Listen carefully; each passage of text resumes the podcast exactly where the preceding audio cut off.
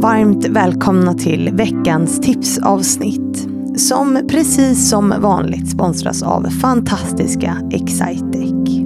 Veckans gäst är Aron Kron, nordisk HR-direktör på Schibsted och inom näringslivet en känd profil som jobbar med inkludering och mångfald. Han är både svart och gay, vilket såklart gör att han sticker ut från mängden och han har längs livet känt sig annorlunda. Och det här att vara annorlunda, ja det är ju på något sätt att sticka ut från normen. Något som jag tror många kan känna igen sig i. På söndag släpps ett avsnitt med honom om hur han hittade sin väg i det och hur han som ledare jobbar med inkludering. Och många gånger så är det ju avgörande att få in empati i sitt ledarskap för att inkludera alla. Så nu ska ni få tips på hur ni kan bli mer empatiska ledare.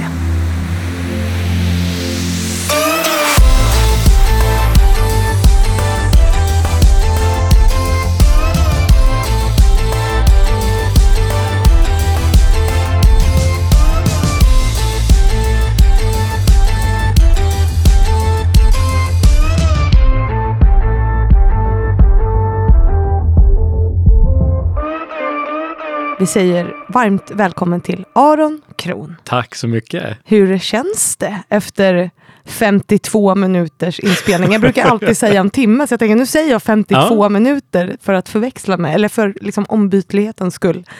Det känns eh, omvälvande, fantastiskt, lite utmattande, ja, men härligt. Jag tycker att det blev ett jättefint samtal. Mm vi har skrattat ganska mycket, även om vi har pratat om tuffa saker. Men, vi, men vi, eh, vi har ju lite samma energinivå du och jag tror jag. jag tror det. Och det är väl superhärligt att kunna prata om sådana här tuffa, viktiga ämnen, men också mm. göra det lite med glimten i ögat ibland. Allt blir så mycket roligare då. Allt blir så mycket roligare. Mm. Mm. Vi har pratat om din historia, eh, att eh, vara svart och gay eh, mm. från Hudiksvall flytta till eh, Stockholm och liksom börja utforska sin sexualitet och vem man är. Och att mm. sen jobba sig upp inom näringslivet till liksom höga positioner. Mm. Vilket har varit en resa. Och du har ju stött på både rasism och homofobi. Mm. Och hur mansnormen egentligen, eller den här manlighetskoden, vad vi nu ska kalla den, hur den har begränsat dig och andra i din omgivning och hur jävla trött man kan bli på det där ibland, eller hur? Ja, verkligen. Ja, så att, eh, det är ett jätteintressant eh, samtal. Men det här är ditt tipsavsnitt och vi har ju pratat en hel del om liksom hur du får in empati i ditt ledarskap för att liksom skapa inkludering. Ja. Så att du ska få tipsa om hur man egentligen skapar ett empatiskt ledarskap. Så mm. jag lämnar över till Mister. Tack!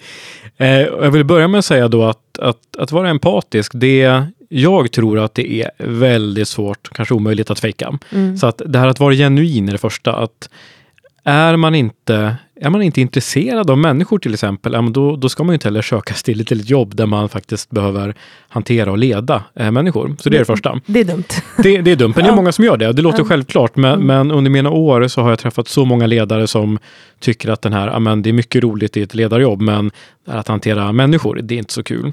Och det blir ju väldigt svårt då. Mm. Så att, eh, för där tycker jag att det märks väldigt väl just det här till empatin, att om man gör det helhjärtat eller inte. Mm. Så det, det, är verkligen det första, att vara genuint intresserad av medarbetarna i det här fallet. Och det innebär ju faktiskt att jag behöver ge av mig själv, för empati går åt båda hållen. Mm. Jag bygger ju empati genom att faktiskt vara, försöka vara väldigt öppen, bjuda på mig själv, Absolut har jag eh, en gräns. Jag blir aldrig privat vän till exempel med någon, någon eh, som rapporterar till mig. Mm. Men jag tycker att den här gränsen går ganska långt fram. Mm. Jag bjuder på misstag. Jag bjuder på, också på, på succéer hoppas jag. Men också eh, att jag berättar väldigt gärna och, och öppet om, eh, om jag har tuffa perioder i mitt liv. För det gör ju också att jag tror att jag vinner ett förtroende på det sättet. Mm. Så att det empatiska ledarskapet för mig, det handlar ju om att i mitt fall, jag är på jobbet 8, 9, 10 timmar per dag. Jag är på jobbet väldigt mycket och många också runt omkring mig. Vi lägger väldigt stor del av vår tid på jobbet mm. för att vi tycker att det är kul. Det är ingen som tvingar oss till det. Förhoppningsvis tycker vi att det Förhoppningsvis tycker vi det, ja. Men det gör ju också att det här med att privatlivet kommer, vare sig vi vill eller inte, kommer privatlivet att mixas ihop på något sätt med yrkeslivet. Mm. Eh, och för mig är det helt naturligt och ganska ofarligt. Mm. Men det här med att ha då en, en trygghet. I min ledningsgrupp till exempel så ägnar vi mycket tid åt att lära känna varandra, om att prata om vad som driver oss, både på jobbet och i livet, om våra familjesituationer. Mm. För det gör också, när vi hamnar i tuffa tider, så har vi en väldigt stor kraft i det här att vi har ett safe space. Vi vet att det är okej okay att må dåligt, vi vet att det är okej okay att vara på topp såklart, mm. vilket alla förhoppningsvis är. Men vi stöttar varandra när någon har en tuff period. Och det kan vara privat, att det händer saker i privata livet som är tufft då har alla den här förståelsen, genuina empatin för att man faktiskt vill hjälpa den personen framåt. Så att, eh, och jag försöker också jobba på det sättet att jag har inga problem att faktiskt sitta i ett samtal, ett medarbetarsamtal eller någon form av one-to-one där vi pratar privata saker. Mm. För det är en del av jobbet. Det går ihop? Liksom, det går absolut ihop. Mm. Och du är här som förebild idag. Mm. Podden heter ju Fannys ja. förebilder. Har du själv några förebilder som du ser upp till? Absolut. Jag har ju faktiskt, eh, nu låter det som jag smörar här, men det var ju på min bucketlista som med i den här podden. ja, så det var ju, jag får ju faktiskt säga att du är, har varit och är en förebild. Ja, men det var det tråkiga svaret, kan roligt för dig men tråkigt kanske. Också um, lite genant sådär. Ja. Men, ja. Det finns väldigt många jag beundrar. Om jag ska hålla mig till, till Sverige så en väldigt god vän till mig är tidigare politikern Birgitta Olsson. Mm. Eh, hon är en jättestor förebild för mig för att hon är ju en person som utan att ta politisk ställning här. Men hon har verkligen stått upp för minoriteter och också mm. gjort det i tider när det har kostat henne ganska mycket. Mm. Och det, det här är en konst att, att driva de här frågorna när det är populärt eller när man kanske själv har någonting att vinna på det. Det är inte så svårt. Nej. Det är det som skiljer agnarna från vetet. Det är de här personerna, som Birgitta, som faktiskt tar de här fighterna när man själv har någonting att förlora på det. Mm. Så hon är ett exempel. Mm. Eh, jag tycker att Annie Lööf är ännu ett exempel på någon som verkligen har eh, fått betala ganska mycket för att stå upp för de värderingar som hon tror på och som jag delar. Mm. Båda de har varit här ju. De har ju varit det. ja. jag känner mig ärad ja, att få de, sitta i samma stol som dem. De, de är förebilder faktiskt. Ja. ja, du sitter nog, ja, båda, jag tror båda faktiskt har suttit i har just den stolen. Inte i det här rummet dock. Men, men, ja.